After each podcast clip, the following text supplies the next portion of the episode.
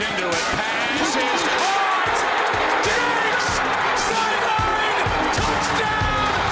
Unbelievable!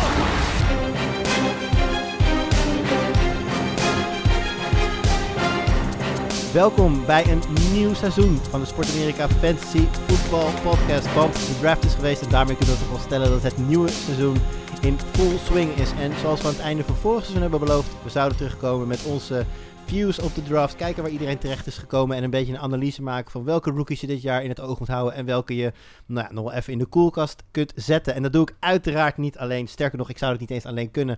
En waarom zou ik dat ook doen? Want er zit zoveel kennis om mij heen. Want aan de ene kant hebben we de man die ik al heel vaak onze stadsgoeroe heb genoemd. Die meer stads heeft dan Sportsaloot misschien wel. Eh, en als je dat wie niet, wie niet weet wie dat is, dan moet je vaker op Twitter kijken. Ik heb het uiteraard over Jimmy Driessen. Hey, Jurg, hallo. Hey, eh, leuk je weer te spreken. Jim, lang geleden. Ja, zeker. Ik heb, ik, ja, ik ben, de draft is geweest, het nieuwe seizoen begint te kriebelen, dus eh, ik heb er zin in, man. Ja, en eh nou, de ander, daar kan het natuurlijk mee eens zijn. Als je de Sport America covers in de gaten hebt gehouden en dan zeker rond de draft, dan valt het je waarschijnlijk op dat er één naam omnipresent is in, al, in alle coverage. En dat is uiteraard de man die alle previews heeft geschreven van de, van de belangrijkste rookies, die in elke podcast heeft gezeten over de draft, Lars Leeftink. Goedenavond, lang niet gezien, Jur. Ja, nou ja, wij hebben elkaar natuurlijk vorige week nog gesproken in de recap van eh, ronde 1. En eh, toen heb ik jou eh, een soort van voorspelling gedaan. Want jij had geen pick voor mij in de, ronde, in, de, in de rookie draft die wij hebben gedaan in, een- in een Dynasty League. Zei ik tegen jou, ik ga zeer waarschijnlijk Javonte Williams op jouw voorspraak voor je neus weghalen. Want Ja. volgens mij in januari spraken we met elkaar. En toen zei hij van, ah, iedereen heeft het over Harris en over Etienne, maar... Hou die Williams in de gaten, want dat, wordt- dat wordt er ook wel een. Maar goed, we lopen op de zaken vooruit. want Williams komen we zo meteen uiteraard eh, tegen. Hoe we dit gaan doen. eh, we lopen eerst even met je alle belangrijkste rookies langs. Dus de quarterbacks, de running backs, de wide receivers en de paar tight ends die ertoe doen. Eh, daarna gaan we bekijken welke van deze namen je ook moet hebben in een redraft league. Want in een dynasty league is het vrij logisch dat je ze, nou, zullen ze bijna allemaal gedraft gaan worden, uiteraard. Maar in een redraft league, dus een hele nieuwe league waar alle spelers in meedoen, zoals je normaal gesproken speelt, dan zullen niet alle rookies even belangrijk zijn. Dus daar gaan we naar kijken. En daarna nemen we ook de overige spelers nog even door. Want er zijn uiteraard een aantal, eh, bijvoorbeeld quarterbacks, die hele leuke wide receivers erbij hebben gekregen. Er zijn een aantal eh, running backs die ineens veel meer concurrentie hebben gekregen. Dus daar kijken we nog even naar de eh, winnaars en de verliezers. Nou, ik heb geen idee hoe lang het allemaal gaat duren. Het ziet er redelijk lang uit. Dus ik zou zeggen, als je er tegen die tijd nog bij bent, dan alvast props en shout-out naar jou. Maar laten we gewoon lekker beginnen bij het begin, jongens. En ehm, ja, Lars, eh, ik zou zeggen, eh, let jij maar even in. Want ik zou zeggen, jij bent natuurlijk Mr. Draft voor Sport Amerika. En eh, ja, de eerste was natuurlijk voorspelbaar. Ja, Trevor Lawrence. En ik denk dat, weet je, misschien loop ik dan iets te veel op de zaken vooruit al. Maar er zijn, als je puur naar redraft leagues kijkt, nu al twee quarterbacks die eigenlijk relevant zijn. Dat zijn Trevor Lawrence en, en Zach Wilson. Ehm, dat zijn eigenlijk de twee die je waarschijnlijk ook wel gewoon gedraft ziet worden. Ehm, Trevor Lawrence gaat natuurlijk gewoon starter zijn, daar is geen twijfel over mogelijk. En eh, ja, wat er met Gardner Minshew gaat gebeuren, geen idee. Ik weet ook niet of hij zijn eh, snor wil houden, maar dat moet hij zelf weten. Ehm, maar Lawrence heeft wel fantastische wapens meteen om zich heen. Als je kijkt ook wat voor, wat voor offense Jaguars inmiddels om hem heen gebouwd hebben. Natuurlijk ook Etienne erbij eh, via deze draft. Die de chart loopt er natuurlijk nog rond. Ehm, ja, en Zach Wilson, die, die heeft bij de Jets natuurlijk inmiddels een, een, wel de wapens die Sam Darnold vorig jaar niet had. En eh, ja, die heeft ook gewoon echt hele leuke dingen om mee te werken. Er zijn natuurlijk wel wat meer vraagtekens omheen. Zeker Ja. het niveauverschil. Ehm, dus wat dat betreft is Lawrence natuurlijk wel de wat zekere keuze. Ehm, maar goed, ja, weet je, Wilson heeft eigenlijk alles. Goede offensive line. Eh, hij heeft de wapens om zich heen. Het enige die het eigenlijk nog kan verpesten is hij zelf. Hey, en eh, Jim, eh, als we dan even doorkijken naar de rest van de quarterbacks. ehm, hoeveel, nou, neem, neem ze eerst eventjes door de belangrijkste en voeg er aan toe in wat voor eh, situatie die terechtkomen. Nou, Justin, Justin Fields is denk ik degene die eh, het meest relevant wordt, behalve Zach Wilson en Lawrence eh, tot nu toe. Eh, die is eh, gedraft door de Chicago Bears en eh, die hebben natuurlijk afscheid genomen van Trubisky. Ze zitten nog steeds met eh Vols in de maag. Maar het lijkt mij dat Fields eh, in ieder geval wel eh, de starter zal worden. Dus, eh, dus Allen Robinson, daar komen we volgens mij ook nog op terug. Dat, dat is wel een, een wide receiver die je wil hebben natuurlijk. Ja. Dus, dus Justin Fields is eigenlijk wel al redelijk fantasy relevant. Redelijk wil ik zeggen, in een one quarterback league is het nog steeds geen hoge, hoge quarterback pick waard natuurlijk. Ja. Trey Lance is iemand die qua fantasy misschien wel een van de meest waardevolle eh, quarterbacks van deze draft is. Alleen niet eh, gelijk. Want hij zal bij de 49ers zal die, eh, achter Jimmy G waarschijnlijk gaan, gaan starten. Althans op de bank gaan zitten. Ja. Maar zijn upside als zeg maar de 49ers straks met 0-4 eh, het seizoen beginnen en hij komt er wel in. Het is wel iemand die ook gewoon rushing is en die prima aan het scheme van Shanahan past. Dus eh, ja, dat is wel iemand die ik echt in de gaten wil houden. Want dat is wel iemand met een... eh, eh, die, die fantasy-wise gewoon beter kan zijn dan dat hij daadwerkelijk als quarterback normaal is. Ik eh, merk dat wij op een hele natuurlijke manier bij het doornemen van de namen eigenlijk steeds al meteen erbij noemen eh, wat de status is daar en, en of ze in redraft eh, valuable zijn. Dus ik stel eigenlijk voor om de, het volgende hoofdstuk hier gewoon meteen bij te trekken. Dat we gewoon per naam die we doornemen ook meteen de redraft value bekijken. Want anders gaan we denk ik heel dubbel eh, dit lijstje af. Ja. Eh, dus wat we tot nu toe hebben gehad, Trevor Lawrence en Zach Wilson, zeker eh, valide starters in redraft. Misschien in, eh, in een 1 QB league zal, zal Lawrence denk ik net op de grens zitten en Wilson misschien nog niet echt een starter zijn. Nee, ik denk het niet. Ja. En Fields is misschien iemand die je als backup op je bank kan zetten. En uh, nou, Lance zal voor dit jaar nog niet eh, eh, eh, een ding worden. Datzelfde geldt waarschijnlijk, als ik zo snel kijk, voor Mac Jones. Ja, da, da, die zit achter Cam Newton natuurlijk. En die is eh, ja, Fantastisch. natuurlijk niet meer, eh, niet meer de superster die, die bij de Carolina Panthers was. Wat zeg je? Je valt een eh, beetje weg, James. Zijn nou ook toekomstig MVP? nee, eh, die is... Cam Newton kan fantasy relevant zijn vanwege zijn, eh, zijn touchdowns, zijn eh, Ja. lopende touchdowns natuurlijk. En Mac Jones is wel een type quarterback wat ik niet graag in fantasy missie. Echt moet het puur van het pocket pass hebben en ja, hij heeft gewoon geen upside in de running game. Ja, ik denk dat we hier, volgens mij staan deze namen niet echt genoemd. Nou, ze staan in de, in de, in de verliezers genoemd. Eh, namelijk de, de, de tight ends van de eh, Patriots, eh John Smith en Hunter Henry. Die zouden natuurlijk erg gebaat zijn bij een eventuele switch. Als, al- als Belichick besluit om inderdaad Cam Newton te benchen en Mac Jones te starten, dan denk ik dat hun value in één keer omhoog schiet. Ja, misschien wel inderdaad. Maar goed, het feit is ook dat ze er daar wel gewoon met z'n tweeën rondlopen. En natuurlijk, je, je kunt ze met z'n tweeën tegelijkertijd opstellen. Maar als je twee tight ends hebt, dan heb je natuurlijk al een stuk minder effectiviteit dan dat je in je eentje daar echt duidelijk de nummer 1 tight end bent. Dus Ja. ik denk dat eigenlijk dat, dat gegeven in, in één al ervoor zorgt dat hun value een beetje naar beneden gaat.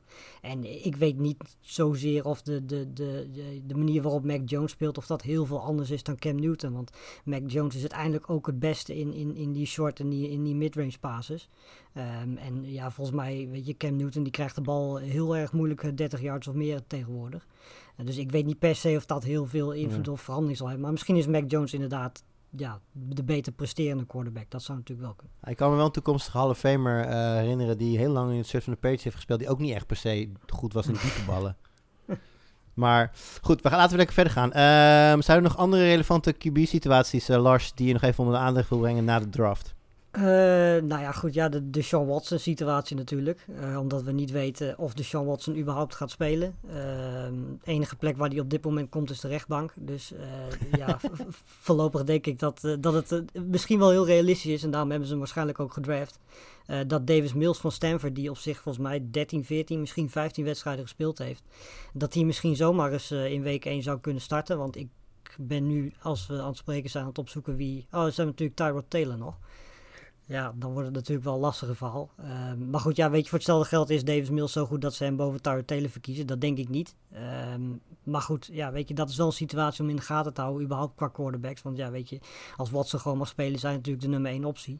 Ehm, maar ja, als hij niet mag spelen, dan zijn of Tyrod Taylor of Davis Mills zijn natuurlijk wel de, de namen om in de gaten te houden. Maar, maar Lars, zou je een Mills sowieso willen als je ziet wat, die, wat voor offensieve wapens de Texans hebben? Nee, niet. Nee, zeker niet. Dat is natuurlijk inderdaad wel een ding wat ook meteen zijn waarde naar beneden haalt. Eh, plus het feit dat ook Davis Mills eh, ja, eigenlijk een beetje in de Mac Jones categorie valt. Eh, als pocket passer, zullen we zeggen. Misschien wel iets mobieler dan dat. Maar Ja. weet je, ja, die twee combinaties en het feit dat hij eigenlijk niet zoveel ervaring op het veld heeft tot nu toe in college. ja, zorgt er wel voor dat inderdaad een Tyrod Taylor dan bijvoorbeeld normaal gesproken de voorkeur zal krijgen. En dan hebben we nog in, ehm, in Tampa Bay lijkt de heir apparent eh gedraft zijn. Al weet je dat met Tom Brady nooit zeker. Het, hij schijnt net zo lang door te willen gaan als Queen Elizabeth. Dus wat dat betreft eh, heeft hij nog een aantal jaar. Maar Kyle Trask. Ja, ik- nou, toen, ik, toen ik deze pick zag, eh, dus eigenlijk is dit de beste plek voor Kyle Trask om terecht te komen, omdat hij, eh, ja, op heel veel manieren, zeker qua hoe zijn lichaam is, is gemaakt en wat voor speelstijl hij heeft, past hij perfect achter Tom Brady. Ehm, dat wil natuurlijk niet zeggen dat hij ook die kant op gaat. Maar weet je, ja, als hij een jaar achter Tom Brady kan zitten, of twee jaar afhankelijk van hoe lang Brady door wil gaan, uh, is Cal Trash zeker in fantasy en zeker in Dynasty is die Ja. denk ik wel een hele interessante naam. Maar Ja. inderdaad, voor, nu voor, voor redraft uiteraard nog geen Nee, factor. Tenzij. Brady. Want dat is natuurlijk wel, mocht er iets gebeuren met Brady, de Buccaneers, in tegenstelling tot de Texans, hebben ongelooflijk veel wapens. Dus dan zou het zomaar kunnen Ja. dat een Trask ineens meteen relevant is. Precies. Ja, zou heel kunnen. Ja. Wil je nog, eh, wat ik zie hier in de aantekeningen, één van jullie heeft opgeschreven Aaron, Rodgers, Jordan, eh, Aaron Rodgers, Jordan Love. Dat is, heeft niets Ja, met de ik kan draft hem te eigenlijk maken. gewoon niet op moeten schrijven. Maar je hebt het wel gedaan. Hè? Wat wil je Ja. er nog over kwijt, Lars? Nou ja, wat ik er ook kwijt wil is dat ja, je net zoals bij de Sean Watson er gewoon rekening mee moet houden dat Rodgers misschien eh, geen packer is of in ieder geval niet eens wil of gaat spelen. Ja, dan is het heel simpel. Dan wordt normaal gesproken Jordan Love voor de leeuw gegooid. En Ja. eh, de vraag is of dat dan ook een interessante naam is. Want het is een beetje dezelfde situatie als bij Davis Mills natuurlijk. Eh, je hebt daar, dus, eh, je hebt daar natuurlijk Adams. En daar houdt het dan ook wel zo'n beetje mee op. Ho, ho, ho, ho, ho. Zit jij hier nu Big ja. Bob te, te dissen? Oké. Gebeurt dit? Ja, dit gebeurt. Robert Oké. Tonjan zal ik er dan ook bij zetten. Maar goed, dan, ja, weet je, dan moet je het verder doen met MVS, met, met een rookie in Rodgers, met Ja. Lazard. Ja, weet je, voor iemand die, die eigenlijk nou, twee jaar lang geen wedstrijd gespeeld heeft. eh, ja, het, het is een hele grote gok, maar het is wel iets om in de gaten te houden, net zoals bij eh, de Sean Watts. Eh, Jimmy, wil jij nog hier iets aan toevoegen of gaan we door met de running backs? Nee, ik denk dat we al semi-relevante quarterbacks nou wel hebben besproken. Mooi. Dan gaan we door. En eh, nou ja, ik weet nog dat we op een gegeven moment in de recap van de eerste ronde eh, bij de running backs kwamen. En Lars of Chris zei toen meteen, ah kijk, nu wordt het leuk. Want inderdaad, eh, zo tegen het einde, ik weet even de pick niet meer uit mijn hoofd, maar volgens mij redelijk... 24. Zeg je? 24 was uh, Najee. Ging Najee Harris, running back van Alabama, van het bord. En die ging naar de Steelers. Ja, en ehm, hebben we hier dan misschien wel de meest fantasy-relevante speler voor redraft leagues te pakken? Ja. Eh, ja, dat denk ik wel, ja. Ja, 100%. Want, Want eh, Jimmy, eh, waar zie jij eh, Harris gaan? En misschien is het goed om daar ook een beetje een, andere spelers bij te noemen qua ballpark in de buurt van. Eh, even mijn rankings erbij halen. Sowieso running back 1 in ieder geval. Ja, nee, qua, qua, ja, maar dat is, dat, qua is- dat draft wel. Maar gewoon in redraft leagues ben ik heel benieuwd. Ik, eh, ik, eh, ik zal me gewoon voorzetten. Ik zie Harris waarschijnlijk zo ongeveer halverwege de tweede ronde van het bord gaan. Eh, ook omdat natuurlijk eh, de Steelers goede track records hebben met running backs. Ik- Eh, wat wil je zeggen, Jim? Ik heb hem voor, eh, zeg maar, als, als hij qua dynasty value, als hij al is gedraft, zeg maar, eh, met de rookie draft, heb ik hem als eh, running back 13 staan, eh, nog voor Gibson en Joe Mixon. En achter. Achter Dobbins, Swift, Elliott. Oké, nou, dat vind ik al heel interessant. Dat Elliot bij jou dan op eh, plek 10 terecht is gekomen, Ja. of 11. Maar dat, dat, daar komen we een andere keer op terug. Trouwens, misschien goed om Ja, vast in, te in, een in een dynasty league, en niet in de redraft. Oké, en in een redraft? S- zit Elliott wel een stuk hoger nog dan, eh, dan heb ik Elliott als quarterback 7. Running back. Eh, sorry, als running back 7. En Harris als nummer 19. Oké, ja, want inderdaad, het is natuurlijk de, de, de belangrijkste gedrafte running back van deze eh, draft. Maar het is goed om te vermelden dat eh, ja, het blijven rookies. Er kan van alles gebeuren. Ze kunnen het niet waarmaken. Het kan niet werken. Dus er moet altijd een foutmarge. Maar ja, gezien het gebrek aan competitie dat hij toch heeft bij Pittsburgh, lijkt het bijna niet anders te kunnen of Harris gaat een, product, een productief seizoen draaien. Ja, maar we moeten alleen maar kijken naar vorig seizoen met eh Clyde Edwards-Helaire. Ja. Dat was Daar de staan we, perfecte... echt, staan we niks van bij. Nee, maar dat was de, de perfecte landingplaats. Had in principe Ja. geen concurrentie, ook nog door een opt-out van, eh, van Williams. En dat is Mhm. gewoon echt een teleurstelling. En die staat nou in mijn eh, redraft ranking staat hij op plek 20 achter, eh, achter Najee Harris. Nou, Dus kun je ja. nagaan. Wat het voor mij ook echt meteen een ideaal target maakt voor redraft leagues. Want ja, dat kan bijna alleen maar beter gaan dan vorig jaar met die jongen. Eh, maar goed, wij gaan lekker door hier met de, de rookies. En eh, de volgende twee die eh, komen, ik denk dat we toch wel een beetje kunnen spreken van... eh, ja, toch een beetje een, hele duidelijke top drie in de... Sowieso waren er maar drie running backs gedraft in de eerste twee of drie rondes volgens mij. Ehm, maar Travis Etienne van Clemson naar de Jaguars en Javante Williams van North Carolina naar de Broncos. Ja, en eigenlijk kan je daar, eh, Lars, een redelijk vergelijkbaar verhaaltje over ophangen.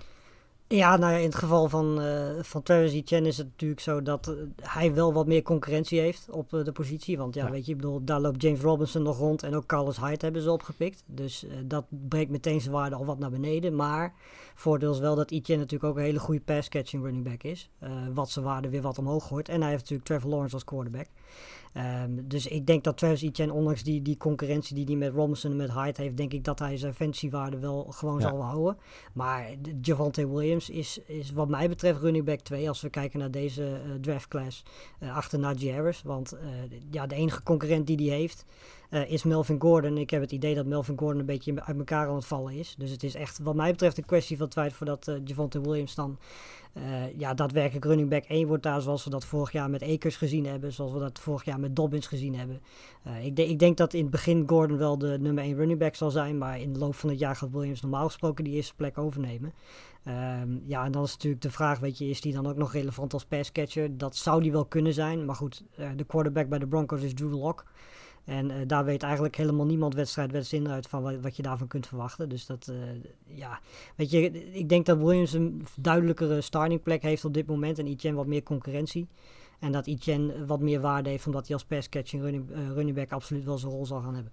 Ja. En Jim, als die twee jongens dan even meenemen naar redraft leagues. Want eh, nou, Harris zeiden we al, die, nou, bij jou dan running back 20. Dus waar gaat de running back 20 tegenwoordig? Ergens in de eerste drie, vier ronden denk ik nog steeds wel. derde ronde denk ik wel, ja. Ja, en deze jongens zullen aanmerkelijk lager staan, gok ik.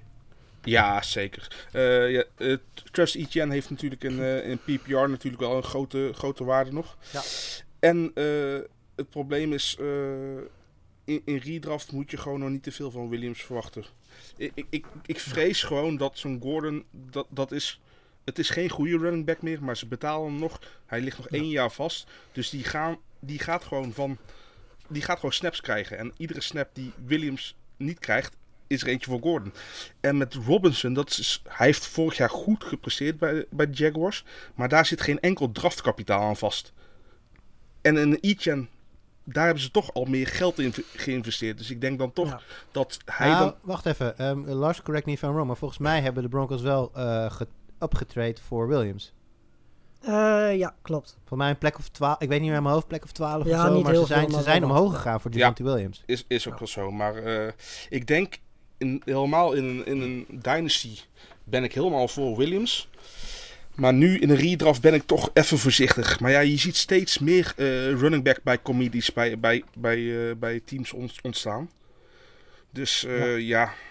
Je moet er met Williams Lastig. gewoon rekening mee houden als je hem inderdaad in de redraft league eh, meteen draft. Dat je hem eigenlijk draft voor misschien de tweede helft van het seizoen. Als inderdaad blijkt dat hij misschien de betere optie is als Melvin Gordon. Want ik weet inderdaad zeker dat Melvin Gordon minimaal de helft van de snaps als Javonte Williams zal krijgen op het begin. Ja, en om dan iemand al meteen te draften als je weet dat hij de eerste paar weken eh, minimaal de snaps zal moeten delen. Eh, ja, misschien is dat qua waarde niet de beste keuze in de redraft league. Ja, het zou een stash kunnen zijn. Ik bedoel, wat je, de, de, de running back positie is natuurlijk ook de plek waar, eh, denk ik, eh, de meeste mensen wegvallen. Het, het, het meest blessuregevoelig. Ja. Dus eh, eh, het is natuurlijk altijd verstandig, ondanks als je in je league er maar twee hoeft op te stellen, om er nou toch zeker vier, misschien wel vijf te hebben, waar je in ieder geval niet van in paniek raakt als je ze moet opstellen. Als dan die vierde of de vijfde Javonte Williams is, dan hoef je je daar denk ik niet voor te schamen. Nee, zeker niet. Zeker niet. Maar, maar je moet er inderdaad gewoon nog geen wonderen van verwachten op het begin. Zeker zo'n Ja. Gordon nog is. Goed, gaan wij verder. Ehm, en eh, ja, ik eh, probeerde een leuke analogie te, de- te, te bedenken over dingen die snel slijten. Zoals eh, bijvoorbeeld kampioensdromen bij PSV of eh headcoaches bij de, bij de Browns. Maar running backs bij de 49ers is ook wel een, eh, een, een interessante. En dan eh, de 49ers voegen er nog maar eens een keer één aan toe. Eh, Lars, vertel me alles wat je weet over Trey Sermon. Eh, nou, dat hij een perfecte systeemfit is bij, bij de 49ers. Eh, omdat hij eigenlijk dat heeft, ten eerste wat, wat, wat Wilson en, Sir, en eh, Mostert niet hebben. Hij is niet de meest snelle, maar is wel een hele goede ja, inside runner. Vooral eh, goed, goed inzicht, weet waar de gaten zijn, weet hij ook te vinden. Ja. Ehm, en dat, dat is iets wat, wat eigenlijk dat running back met Mostert, die natuurlijk vooral heel veel snelheid heeft. En Wilson, wat echt wel een powerback is. Ja, weet je, dan heb je gewoon drie eh, verschillende opties. Probleem alleen van eh, wat betreft de waarde van twee Sermon is. Dat dus inderdaad Mostert en Wilson er zijn. Ja, je weet en dat je ook nog Wayne. Gallman ook nog hebt. Ja, Ja, precies. Dus ja, de- weet je, je hebt daar vier running backs. Eh, ja, ga het maar zeggen. Ik, ehm, ik ga er even vanuit trouwens dat vanaf de running backs vanaf hier voor redraft league sowieso niet meer echt, tenzij na het blessures, maar eh, niet meer echt heel valide gaan zijn. Of heel, ik twijfel licht bij Michael Carter, Jimmy. Ja, eens. Ja, ja, die heeft natuurlijk de, Jets. Ja, wie, wie hebben die nou? Die hebben Pirine hebben ze. Ja, de Michael Pirine denk ik. En, Ja. en eh, hoe heet die? Eh Ty Johnson hebben ze volgens mij. Ja, En Tevin Coleman zie ik hier nu. ja maar Tevin Coleman, Ja. dat, is, dat is net onkruid. Dat komt al terug. En eh, Ja. ook nog Jamel, Jamel Adams volgens mij. Nou, daar wil ik het niet over hebben. Maar, Nee, maar, maar dat is wel eentje die inderdaad een, een impact kan hebben.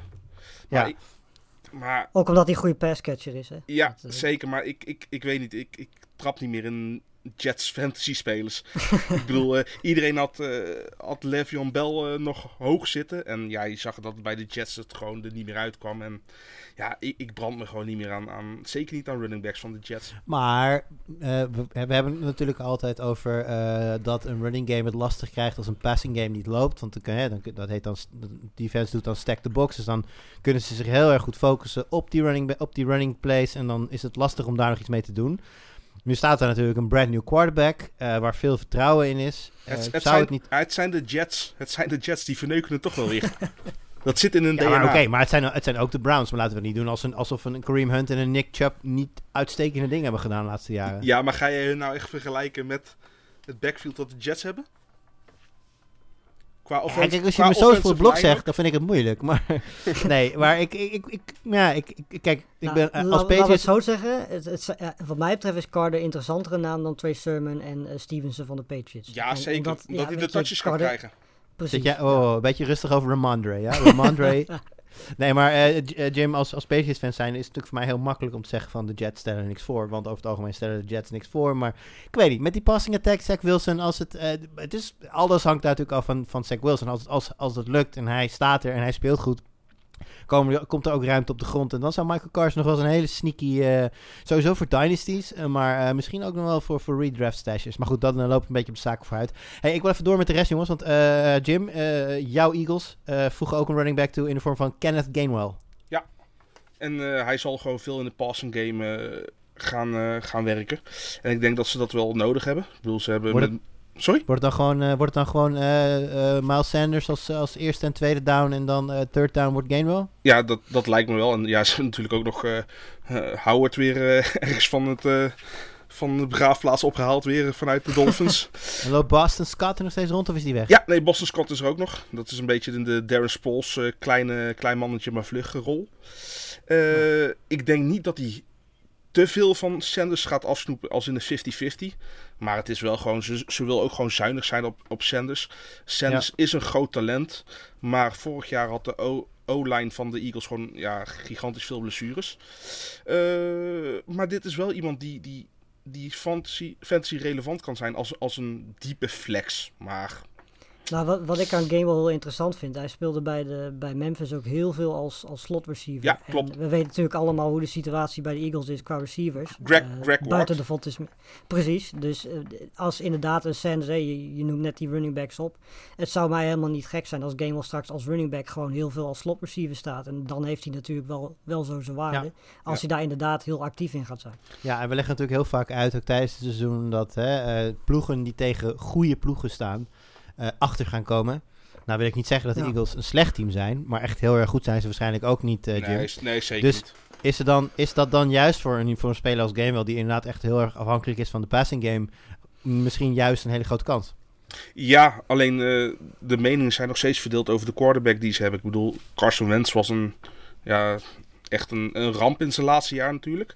Maar Hurts begon goed, maar ja, qua, qua liet het eigenlijk uiteindelijk ook niet meer zien. Ik bedoel, fantasy relevant was hij wel door zijn eigen running game.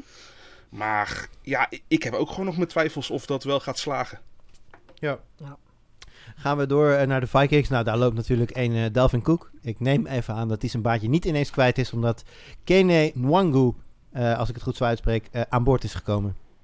Ja, eh, ik, ik denk niet dat we deze heel erg op hoeven schrijven. Eh, het was mij sowieso al een verrassing dat hij zo hoog werd gedraft. Want ja, volgens mij was hij nergens überhaupt in de buurt van de, van de top 10, 15 als je kijkt naar running back rankings eh, in, in de draft. Ehm, dus hij zal denk ik een, een, soort van speciale rol krijgen. Maar goed, ja, als je ook nog eens weet dat Delvin Cook daar loopt. Je hebt Alexander Madison daar nog lopen. Ja, weet je, dan, dan is de kans heel erg klein dat, uh, dat Wangu, nou in redraft liefst helemaal niet. Maar ik betwijfel ook überhaupt Ja. of die als Dynasty uh, interessant is. Nee. Ik denk dat het eigenlijk ook eh, voor de overige twee namen die nu nog op het lijst staan, namelijk Ramondre Stevenson van de Patriots en Jermar Jefferson. Ehm, nou ja, beide talentvolle jongens, maar eh, we weten allemaal, eh, never, als je de Jets al niet vertrouwt, never trust, trust eh, running back van de Patriots, want dat is echt, ja, je, je kan beter gewoon een, een loterijticket kopen, heb je meer kans dat je wint. Nou, tenzij PPR, dus James White kan nog wel redelijk relevant zijn. Ja. Nee, maar goed, je hebt natuurlijk Harris. Nou, eh, Michel is volgens mij exit, als ik het goed heb. Nee, Die- die- die, is er nog wel, maar ze gaan ze, niet, zijn vijfde jaar gaan ze die doen. Ja. Ah, Oké, dus dit, die zit dan in zijn laatste jaar. Nee, Ja. goed, dan zal hij die Ja, normaal gesproken nog. steeds voor zich hebben. Dus eh, dan wordt het inderdaad een, waarschijnlijk een special teams role voor uh, Ramondre Stevenson volgens nog. Ja, en Jamar Jefferson, jongens. eh, volgens mij, correct me if I'm wrong, kwalitatief goede speler. Maar ja, we hebben natuurlijk vorig jaar by and large toch de doorbraak van Swift gezien. Dus het lijkt mij gewoon Ja. Swift zijn baantje om te verliezen. Ja, en als het Swift niet is, dan heb je daar Jamal Williams nog staan. Dus, eh, maar ik wou, ik wou hem hier gewoon even bijzetten, omdat Jamar Jefferson volgens mij in de zevende ronde werd gekozen. Eh, wat, eh, als je puur kijkt naar de kwaliteiten die hij heeft, eigenlijk bizar is. Eh, maar ja, ook voor hem geldt, hij heeft gewoon twee hele goede running backs voor hem staan. Ehm, dus ja, ik denk dat dat een heel lastig verhaal wordt om hem op Ja. dit moment interessant te vinden. Maar in Dynasty kan het wel een sneaky naam zijn. Ja, en, Nice. hij, en hij heeft nog het geluk dat Carry Johnson wel is gereleased natuurlijk. Ja, Dus hij is wel al een stukje opgeschoven. En dat Peterson weg is, neem ik aan. ja, Ja, je weet het nooit met die man. Hij kan zomaar weer terugkomen ineens. Maar ehm, eh, voordat we naar de wi- wide receivers gaan, wil ik eh, Lars nog één, eh, nog één kleine curveball toegooien. nou, Eh, ik heb namelijk twee namen voor je waar ik zelf eh, vraagtekens over heb. En dacht ik, wat is nou een beter moment om, om daar antwoord op te krijgen dan als ik Lars in een podcast heb zitten? Eh Puka Williams of Chris Evans? zo. Ja. We hebben het nu over de Eh, nieuwe, over de nieuwe eh, backups van Joe Mixon bij de Bengals. Waaruit, waar eh, Gio Bernard is natuurlijk naar de, naar de Buccaneers. Ja. En Chris, Chris Evans is volgens mij gedraft in de zevende ronde. En Puka Williams is een, een undrafted free agent die ze nog hebben gesigned. Maar waar somehow de verhalen enorm positief over zijn. En dat zou dan wel eens een... En ik lees daar van alles over. Ik dacht van nou eens kijken of Lars daar meer over weet. Ja, ik zou dan persoonlijk Puka Williams kiezen. Eh, simpelweg omdat, weet je, in principe allebei is de kans klein dat daar waarde in zit. Maar als je dan moet kiezen, dan heeft Puka Williams simpelweg vanwege een big play... en vanwege het feit dat hij naast een running back ook een receiver was bij Kansas. Eh, dat maakt hem dan, denk ik, van de twee het meest relevant. En ik denk dat Evans wat dat betreft is iets meer pure running back. Dus Ja. eh, dan zou ik voor Puka Williams kiezen. ja, qua naam is het een beetje gelijk spel. Want ik vind Puka echt vet. Maar Chris Evans Ja. is Captain America. Dus Dus het lastige deze voor mij. Laat het eh, lekker minder lastig maken. Maar eh, wel bij de Bengals blijven. Want eh, we, we gaan naar de wide receivers. En dan komen we uiteindelijk als eerste natuurlijk bij Jamar Chase. ja, zonde. Ik bedoel, eh, Ja. we gaan het niet hebben over de kwaliteit van Chase. Want ondanks...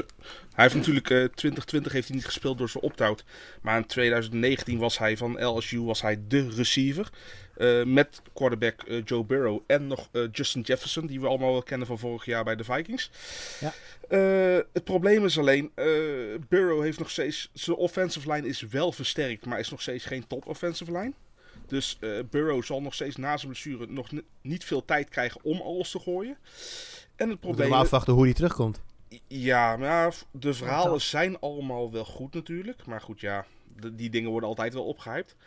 Maar Chase heeft gewoon heel veel concurrentie. Ik bedoel, eh, AJ Green eh, is eindelijk een keer weg. Al was hij niet meer zo relevant natuurlijk. Maar ze hebben nog Tyler Boyd en T. Higgins. En ja, vooral T. Higgins is ook gewoon nog, eh, nog de toekomst. Heeft het vorig jaar goed gedaan. Was tweede ronde pick volgens mij in de draft vorig jaar, Klas? Tweede ronde, Ja. ja. ja. Ja, en die, die doet het gewoon zo goed. En ja, ze moeten van de taart allemaal een stukje krijgen. Dus Burrow moet het goed verdelen. Het, een- Ja, en het enige wat we, wel, hebben- wat we wel weten is dat hij een goede connectie heeft met Burrow. Ja, maar ik vind dat wat ook nog daarbij komt, is dat je ook nog daar eh, drie tight ends hebt lopen. We hebben Drew Sample vorig jaar zo af en toe eens een keertje best wel veel targets zien krijgen. Eh, CJ Ozuma voor zijn blessure had hij een fantastische connectie met Joe Burrow. Ehm, de, en die komt natuurlijk ook gewoon weer terug van zijn blessure. En je hebt ook nog uh, Thaddeus Moss, uh, die ze erbij gehaald hebben. Dus ja, weet je, een van die drie gaat zeker ook wel wat targets krijgen. Um, dus het is wat, wat betreft de fancy waarde van Chase is dat echt wel, wel, wel heel erg jammer. En daar komt nog eens bij dat hij eigenlijk toch denk ik, vooral als slot receiver ingezet gaat worden. Eh, waardoor je wat betreft big plays ook niet per se naar, naar Chase hoeft te kijken. Ik bedoel, was hij naar de Lions gegaan, dan was het echt... Ja. Dan was de fantasywaarde omhoog geschoten. Maar nu is het gewoon te veel mensen die, die targets willen hebben.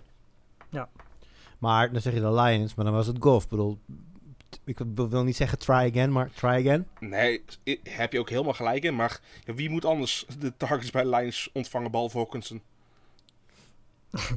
Ja, nee, fair enough. Maar inderdaad, ehm, ik, ik weet niet, ik zit, ik zit een beetje in dubio hier. Ik, ben, ik vind het fijn dat hij naar, naar, dat hij naar Burrow is. Burrow kent hem. eh, lijkt een goede fit. Aan de andere kant, ja, ze hebben inderdaad redelijk wat talent lopen. Dus ik, hink een beetje op twee gedachten. Maar ik heb hem wel in één, in één Dy- Dynasty League in ieder geval al gedraft. Dus dat wil al zeggen dat ik er in ieder geval eh, genoeg vertrouwen in heb. Ja, het talent Eh, is er natuurlijk. Het talent is er uiteraard. Ik, ik, da- en- kijk, en je zegt dan Burrow en, en, veel, veel eh, eh, ja, concurrentie als het gaat om targets.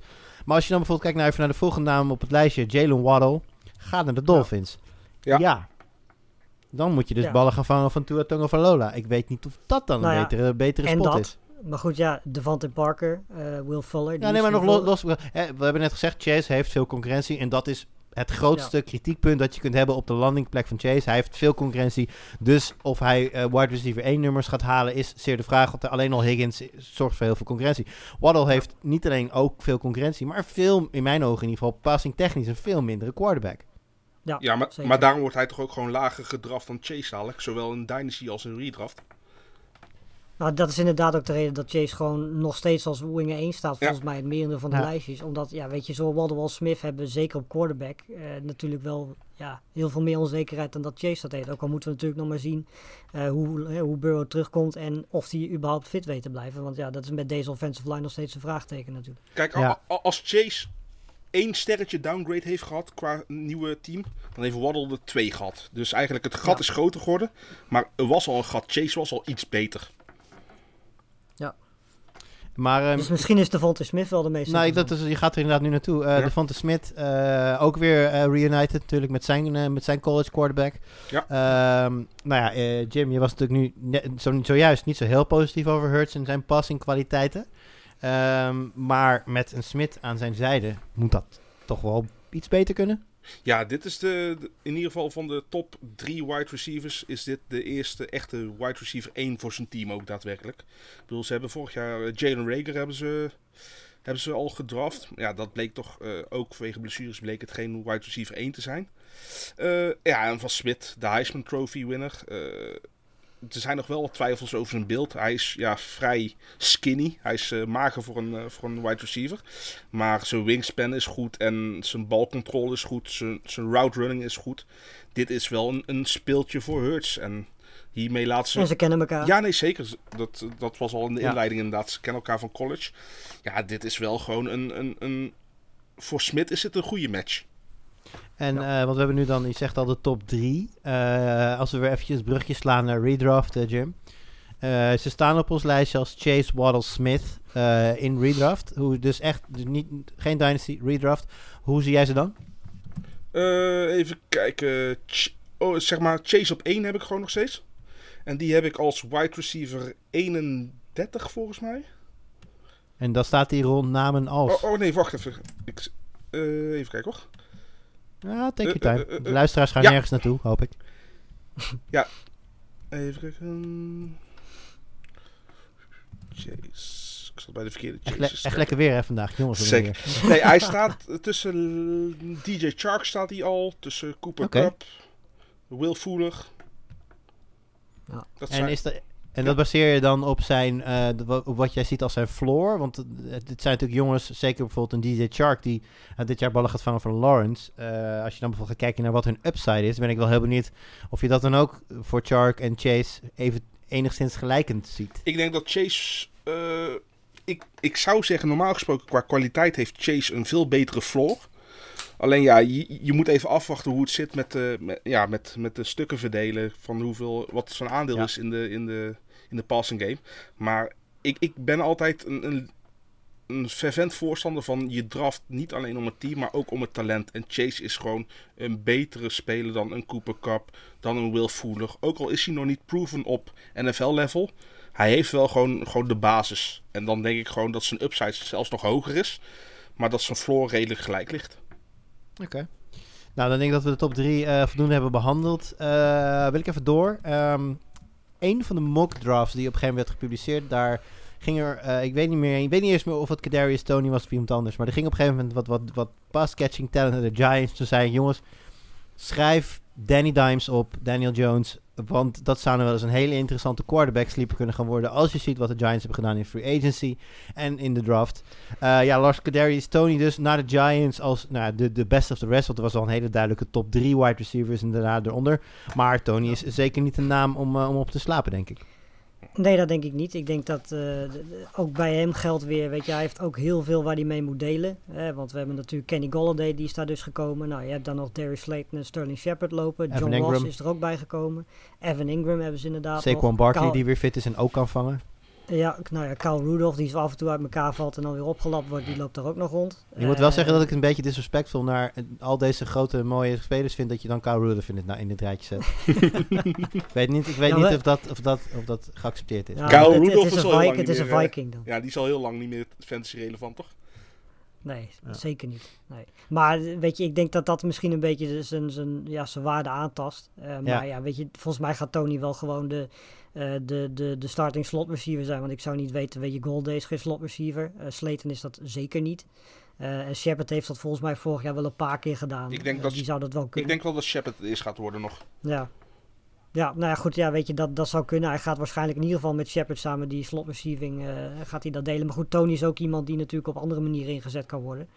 Ehm, dus dat maakt hem dan misschien alweer wat interessanter. Maar goed, ja, weet je, misschien voor eh, pu- puur qua fit is het heel goed. Voor Daniel Jones is het heel goed. Maar of het voor de waarde van Tony goed is dat hij hier terechtgekomen is qua Ja. targets, dat eh, valt te bezien. Ja, ik, ik ben Ja. zelf ook geen Daniel Jones favoriet. Geen liefhebber daarvan. Dus ik, ik schat eh Tony's floor en ceiling wat minder in, denk ik, dan Lars. Nou ja, het, ik- niet zozeer Tony, als in, ik denk niet dat, dat, dat ja, zijn fantasy fit dan, hè? Ja, maar ik denk niet dat Daniel Jones Tony een, een, een top wide receiver gaat maken. Ik, de- ik denk meer dat, dat de komst van Tony mede, maar uiteraard ook Golladay, eh, de Giants interessant gaat maken. En daarmee dus eh, Daniel Jones een interessante fantasy quarterback zou kunnen maken. Eh, Maar misschien komen we op hem zo terug. Ik wil even het, het lijstje wide receivers aflopen, jongens. En misschien dat we daarna nog even snel kunnen terugkomen op wie er dan redraft interessant zijn. Want volgende naam, Rashad Bateman. Ja, de passing game van de Ravens. Jim, waar moeten we beginnen en waar moeten we eindigen? Bestaat hij? Ja, precies. Daar, ga- daar ga je al. Ik weet nog dat wij vorig jaar op een gegeven moment rond week 11, denk ik, en eh, hebben we eh, Hollywood Brown op een melkpak gezet. Nou, toen werd hij wel gevonden ineens, dus dat was fijn. Maar ehm, ja, om nou te vertrouwen op die passing game. Ja, en het erg is nog, ze hebben, ze hebben al zo één iemand van een boom of bust met Marquise Brown hadden ze al. En nu hebben ze ook Ja. nog week 1 wonder natuurlijk eh, Sammy Watkins erbij. Ja, die moet je inderdaad draften en dan, na, en dan voor week 2 wegtraden. Dat is een beetje wat je doet met Watkins. Ja, Ja. dus eh, ja, en, en wat gaan ze met Miles Boykin doen? Wat gaan ze met Devin Duvernay doen? Kijk, ze hebben qua, qua kwantiteit hebben ze wel genoeg. Maar nog steeds eh, wordt Lamar... Ik weet niet of het terecht of onterecht is, maar gezegd af en toe dat hij nog geen arm heeft. Maar ja, aan de andere kant, eh, wie heeft er echt een, een, een goede arm nodig als je zo goed kan rennen als Lamar Jackson? Ik bedoel, en je hebt nog steeds Mark Andrews natuurlijk, die eh, in principe een hele goede stack met eh, Lamar Jackson zou kunnen zijn. Viel Ja, je vorig, die, je viel jaar je een team beetje je tegen. wel, eh, Ja, hij als je viel, die samen in je team hebt, zit je wel lekker, ja. ja, hij viel vorig jaar een beetje tegen, maar Mark Andrews is nog steeds wel gewoon echt een topoptie eh qua tight end, omdat Lamar Jackson Ja. gewoon makkelijk Ja, wat, wat, wat- wat Jimmy weet en de luisteraars niet, dat ik net een trade heb gemaakt om Andrews weg te treden uit een team waar ik ook Lamar heb. Dus eh, ja, dat, is, eh, dat, is mijn, maar dat is mijn pakje aan. Ehm, ik vind het wel even interessant wat je zegt, de, de, de arm van, ehm, van, van Lamar. Miles Boykin is een naam, in ieder geval in mijn optiek, die binnenkwam toch wel als een ja, redelijk groot talent. Is het dan echt puur aan Lamar Jackson te wijten dat zo'n jongen dan niet tot wasdom komt? nee, ik denk dat het ook met het scheme van de Ravens zelf te maken heeft. Ik bedoel, je kan Lamar niet overal de schuld voor geven, want als een coach Lamar optimaal wil gebruiken, dan doet hij het zoals hij het in het MVP-jaar deed. Dus gewoon veel rennen. Ja, heel veel rennen. ja, en, Ja. maar het, het is, kijk, eh, er zijn altijd wel grapjes van Lamar Jackson is een running back. Nou, het is een verdomd goede running back, maar ook gewoon een goede quarterback hoor. Ja. Geen misverstand.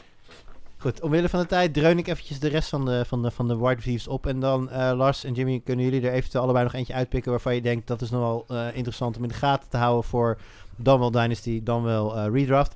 Eh, Elijah Moore van Mississippi ging naar de Jets. Rondale Moore van Purdue ging naar de Cardinals. Dwayne Eskridge van Western Michigan naar de Seahawks. Tutu Atwell naar de Rams. Terrace Marshall naar de Panthers. Die was volgens mij redelijk ver gevallen door blessureproblemen. Maar goed, dat mag misschien Lars zo meteen even vertellen. Amari Rodgers gaat naar Aaron Rodgers bij de Packers. Nico Collins naar de Texans. En Amon Ra St. Brown naar de Lions. En als laatste Des Fitzpatrick naar de Titans. Eh, Lars, ik wil van jou sowieso even weten. Uh, Terrace Marshall, uh, wat daar ook weer mee aan de hand was, dat hij dus gevallen, uh, zover gevallen was in de draft. En daarna Ja, mag je nog eventueel een naam eruit pikken waar je nog even bij stil wil staan. Nou, dat is inderdaad, in het geval van Terrence Marshall was dat een blessure. Eh, normaal gesproken was dat einde eerste ronde, begin tweede ronde pick. Eh, maar die is dus echt wel flink weggevallen. En ik denk dat dat in, in het geval van de Panthers wel een hele mooie fit kan zijn. Eh, dus dat is simpelweg de reden waarom Marshall is, eh, is gedropt. En als ik er eentje moet uitkiezen, ja, ik wou er eigenlijk twee kiezen. Ehm mij. Amon-Ra St. Brown. Alleen al vanwege zijn naam. Brown. Alleen al vanwege zijn Ja, naam, maar ook vanwege het feit dat... eh, nou, ik ben heel benieuwd of jullie meer dan één receiver van de Lions op kunnen noemen. Zeker. En dan tel ik Hawkinson niet. Zeker. Cephus. Perriman. En Tyrell Williams van de, Tyrell van Williams, de, ja. van de Raiders. Nou goed, ja, weet je, ik denk dat, dat Amon Brown eh, heel snel een, een, plekje gaat vinden bij, bij de Lions. Als, als, als nou, in ieder geval nummer 2 receiver achter Tyrell Williams. Ehm, ik denk dat hij Perman en Stevens wel meteen kan uitdagen. Ja, en Nico Collins bij de Texans. Want ja, weet je, als je kijkt naar die receivers die er bij de Texans rondlopen. En, en de kwaliteit die Nico Collins beschikt. Ik denk dat dat wel eh, ook wel een interessante naam is om, om erbij te houden. Zeker gedurende het eh, seizoen. Alright. Jimmy. Ja, er blijft niet heel veel meer over. Hè? Want ik had natuurlijk ook al de, de, de wide receiver met de mooiste naam op het oog. Maar eh, nee, dan denk ik toch eerder aan Des, Pat- eh, Des Fitzpatrick van de Titans. Eh, natuurlijk is AJ Brown het target monster. En dat is echt de absolute wide receiver 1. Eh, de running game zal sterk zijn bij de Titans met Derrick Henry. Maar toch, Corey Davis... Ooit Weg. hoog, ooit hoog gepikt. Liet het nooit zien tot in zijn laatste contractjaar. Ja, dat is toch wel iemand die vervangen moet worden. En ik denk dat hij dan ja, toch wel de aangewezen vervanger is. Josh Reynolds ben ik niet zo fan van. Eh, wie hebben ze nog meer? Ja, ik, Johnny Smith is weg. ja, ja, maar goed, ja, daar krijg je Anthony Fisker voor terug natuurlijk. Ja. Eh, nee, ik, ik denk dat Des Fitzpatrick, eh als Tannehill gewoon nog steeds goed blijft gooien, eh, in ieder geval heel erg eh, efficiënt blijft gooien. Want ik, ik ben niet fan van de quarterback Ryan Tannehill, maar wat hij doet is wel efficiënt. Denk Ja. ik dat eh, Fitzpatrick wel een, wel een beetje sleeper pick kan zijn. Ja, ehm, Tannehill had eh, volgens mij een stretch waarbij hij de laatste zes wedstrijden van het 2019 seizoen en de eerste zoveel van het 2020 seizoen was hij alles bij elkaar opgeteld eh, quarterback 3 in, in, in, fantasy voetbal. Ja. Dus dat zegt wel iets over, over de quarterback. Gaan we even door, want we hebben nog een positie te gaan natuurlijk. En die is een stuk korter dan de rest. Want Jimmy, is het niet gewoon zo dat er eigenlijk maar één naam is die er bij de tight ends echt toe doet? Zeker. Ja, dat is Kyle Pitts. Ik, ik kan me niet herinneren dat er zoveel hype rondom een tight end was. Sinds dat Kyle Pitts nou gedraft is. Is ook heel, heel hoog gedraft door de Falcons. Eh, wat ervoor zorgt dat Matt Ryan ook nog een, een kans krijgt. Want ze konden daar ook op die positie een, een quarterback draften. Nou is het zo met tight ends. Zeker in redraft. Het eerste jaar een rookie tight end heeft geen waarde. Dus laat ze normaal in een redraft schieten. In een dynasty draft ze laat. Alleen Kyle Pitts, ja, is het de tight end, is het de wide receiver. Die gaat sowieso kansen krijgen. Matt Ryan is een heavy pass offense. Ja, ik durf het wel aan. Kijk, ik zie hem nog geen top 5 tight end worden het eerste jaar. Want het noem, eh, ga- raad ons eens af. Wie zijn, wie zijn dit? De, eh, eh, Kelsey, Kittle en dan? Waller Waller. en Andrews. Oké. En eh, Hawkinson misschien ook nog. Hawkinson zeker nog. En daar, daarachter Pitts, zeker. Oeh, oké. Ja, dat durf ik al aan. Voor, Goddard. En Voor Goddard, ja. en- en ik, voor heb het gevoel dat je, ik heb het gevoel, er ligt een puntje op tong. Ik heb het gevoel dat je een naam vergeet. Gesicki? Nee, ook niet. Lars, help me even. Ja, ik zit ook te denken, maar... Nee, nee, we gaan- niet over Tonjen hebben, want daar ben ik niet zo hoog op. daar wilde je naartoe toch, eh Jur? Goed zo, jongen. Nee, nee, Nee, maar vertel, maar daar ben ik wel benieuwd naar. We, zijn er nu, we hebben het nu toch over. Uh, is voor jou niet een, een, een, een top 10, eh, of misschien nog net top 10 dan Oh, oh, oh, top 10 zeker wel. Alleen eh, ten eerste, zijn quarterback situatie. Ik verwacht uiteindelijk dat Aaron Rodgers wel gewoon gaat spelen voor de Packers. Natuurlijk. Maar we weten het nog niet zeker. En dat, dat is al een beetje een schade voor hem natuurlijk. En het blijft iemand die echt... Hij is echt zo afhankelijk van touchdowns. Maar ja, goed. Ja. Als Rodgers ze gooit, heb je ook makkelijk een touchdown. Maar ik, ik, hij, heeft een, hij heeft een heel lage floor, Tonyan. Ja, nee, dat is waar. Hij vangt meestal maar drie of vier passes voor eh, nou ja, 30, 40 yards. En als er dan Ja. geen touchdown bij zit, dan wordt het een, eh, een, een, een lastige week. Ja. Absoluut waar. Ehm, ja, toch nog heel even snel dan jongens. In de re- rest van de draft, de tight ends. Er zat er nog iets anders bij waar jullie zeggen van die wil ik nog even noemen. Eh, nou ja, ja, ik heb Tommy Tremble opgeschreven eh, bij de Panthers. Eh Rip de Ian Thomas hype train. Ja, ik denk dat Tommy Tremble, ik weet niet per se of hij meteen gaat starten. Maar ja, weet je, als je kijkt wat er bij de Panthers qua tight rondloopt, is het niet heel veel. Wacht even, maar oh, je, je, je, noemt het nu terloops. Maar zet jij nou de hype train van onze gewaardeerde host van de NFL-podcast, Ton de Vries. Zet jij die hier nu stil? Die gaat naar rangeerterrein, die is klaar? Nou ja, ik denk wel dat Tommy Tremble daar overheen gaat. Ja, ik weet je, ik bedoel, we hebben vorig jaar eh, gehoopt dat Ian Thomas wat zou laten zien. Dat heeft hij het hele jaar niet gedaan. Zelfs zonder McCaffrey erbij niet. Eh, ja, weet je, McCaffrey is gewoon weer terug. En nu heeft hij, denk ik, vind ik in ieder geval met Tommy Tremble een hele interessante tight end. De grote vraag is, want eh, we weten allemaal dat hij een hele goede blocking tight end is. De vraag is of zij ook het receiving tight end in hem zien. Eh, dat, dat gaat wel de grote vraag zijn. Want ja, weet je, als ze hem puur als blocking tight end gaan zien, dan is ze waar natuurlijk al meteen weg. Eh, maar ik denk dat Tommy Tremble eh, normaal gesproken de eerste tight end gaat zijn met de Panthers. En dan is de vraag gewoon of hij ook als receiver gebruikt gaat worden. Ik denk dat hij dat kan, maar de vraag is of de Panthers dat ook zo winnen. Ja. Nou, en, en ze hebben natuurlijk ook eh, Dan Arnold van de Cardinals binnengehaald als tight end. hè. Ja. Dus er zijn wel drie tight ends nou. Dus dat vind ik alweer tricky. Zeker op een Ja. positie waar, ja, al, als ze twee sets tight end spelen, dat hij dan vooral als blokker gebruikt wordt. En dan is hij qua, qua, qua waarde op het veld wel heel goed. Maar qua fantasy gewoon een stuk minder. Nou ja, het ding is vooral gewoon, we moeten hier toch iemand noemen. Want ja, als je verder kijkt naar alles wat er omheen staat, weet je, Hunter Long die komt bij, bij 300 tight ends in, in Miami terecht. Dus dat schiet ook niet op. Uh, Pat Fryer move bij de Steelers, ja. uh, weet je, volgens mij hebben zij meer slot receivers dan outside receivers. Dus Ja, maar- dat vind ik ook al heel Maar ik lastig. vind, denk, ik vind, vind hem wel meer een dark horse op succes dan Tommy Tremble. Puur vanwege het feit dat Nou. Ja, en het feit dat hij natuurlijk ook gewoon echt een pure receiving Precies. is. En dat is Tremble natuurlijk wel binnen. Ehm, dus inderdaad, de fry move zou je dan ook kunnen noemen. Maar ja, verder is het, ja, het is niet heel veel. Weet je, Brevin Jordan die gaat naar Texans. Maar ja, dat is ook meer een, een, een, een, wapen die als allround gebruikt wordt. Ja, plus je hebt daar Deshaun Watson waarvan je niet weet of die gaat starten. Draft geen Texans. Eh, nee, precies. Dus ja, weet je, ik denk dat, eh dat Pitts de- met de afstand erbovenuit steekt en dat Fry Move en Tremble dan daarachter zit. Alrighty, nou dan eh, sluiten we het hierbij eventjes eh, af. Wat ik al zei, eh, de redraft values hebben we terloops een beetje besproken, dus die kunnen we nu verder gaan, gaan skippen. Want dan wil ik even door naar de al bestaande spelers die impacted worden door deze, door deze draft. Nou, een heel, heel aantal daarvan hebben we natuurlijk al genoemd, maar laten we toch even in vogelvlucht nog eventjes de, de winnaars en de verliezers van deze draft langslopen, Jim. En dan beginnen we even bij de quarterbacks. Ja, degene die nog niet genoemd is, is eh, mijn persoonlijke favoriet Justin Herbert. Want eh, ja, zijn offensive line is gewoon eh, een stuk beter geworden. Die hebben Lindsay, hebben ze, de center hebben ze overgenomen. En uh, Rashawn Slater, die toch nog voor hun het oppikken was in de, in de draft met hun pick. Wat ze niet hadden verwacht. Ja, die hebben gewoon nou ja, gewoon een perfecte pocket voor Justin Herbert gecreëerd. En het was al een quarterback die onder druk heel goed kon presteren. Moet je nagaan als hij die twee seconden langer de tijd krijgt. Ja. ja. En verder, want we hebben het inderdaad een aantal uh, genoemd. Maar St la Stafford nog. Ja. Die is natuurlijk van de Lions zonder wapens naar, uh, naar de Rams met een hele goede O-line.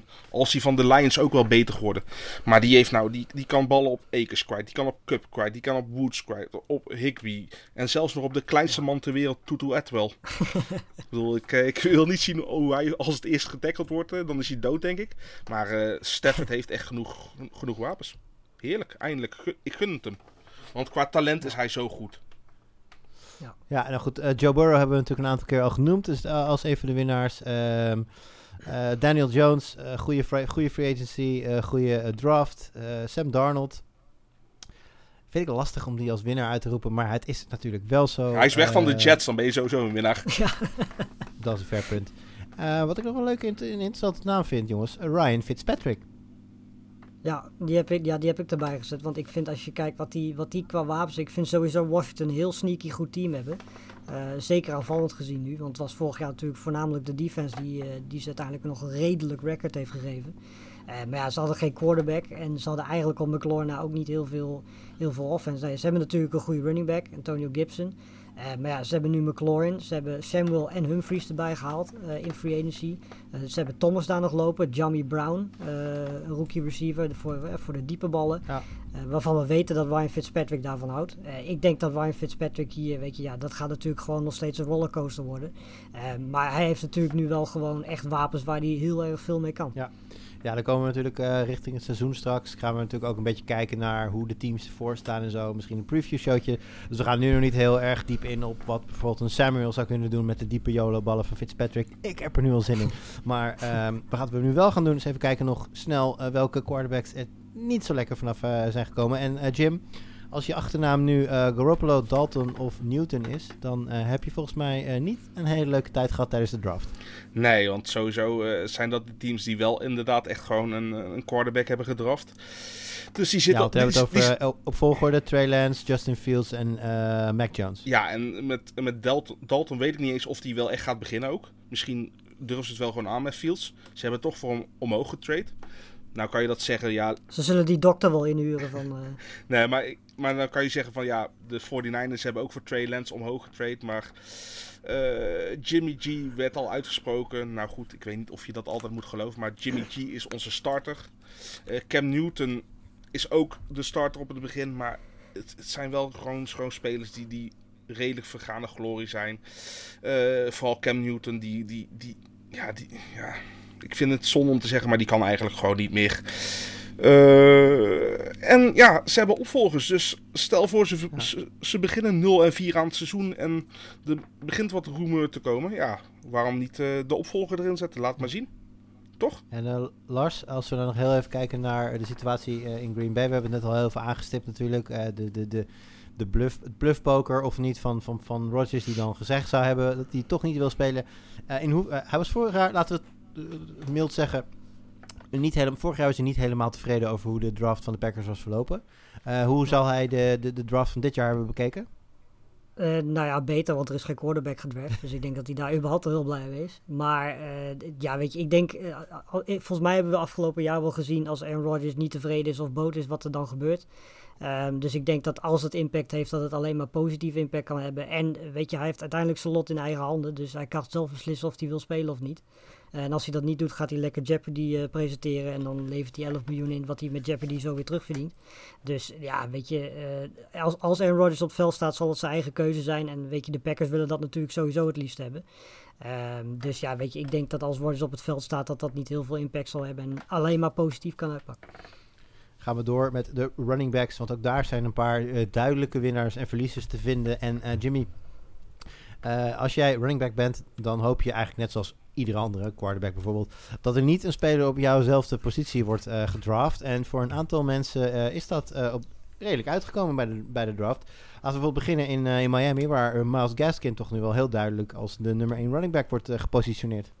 Ja, al hebben ze natuurlijk, de coach heeft nou ook al heel hoog opgegeven van Malcolm Brown. Nou ja, geloof ik dat niet zo heel erg. En Savon Ahmed heeft het eigenlijk vorig jaar best goed gedaan, maar ja. Maar meer een change of paceback, niet echt ja, een... daarom. Ja. En, en het is ook niet eentje die de wor workload van een heel seizoen aan zal kunnen. En Gaskin is ook af en toe wel geblesseerd geweest, maar het is wel iemand uh, die gewoon echt de leadback is. Die echt duidelijk de running back 1 van zijn team is. Ik, ik geloof niet zo in Malcolm Brown. Uh, ja, ik... Uh, ik vind het lastig, man. Want ik, ben, ik vind Gaskin, ik vind het ook weer niet een uitmuntende running back of zo. Maar het is wel iemand die gewoon genoeg volume zal krijgen. En ja. ja, volume is heel erg belangrijk in dit spel als running back.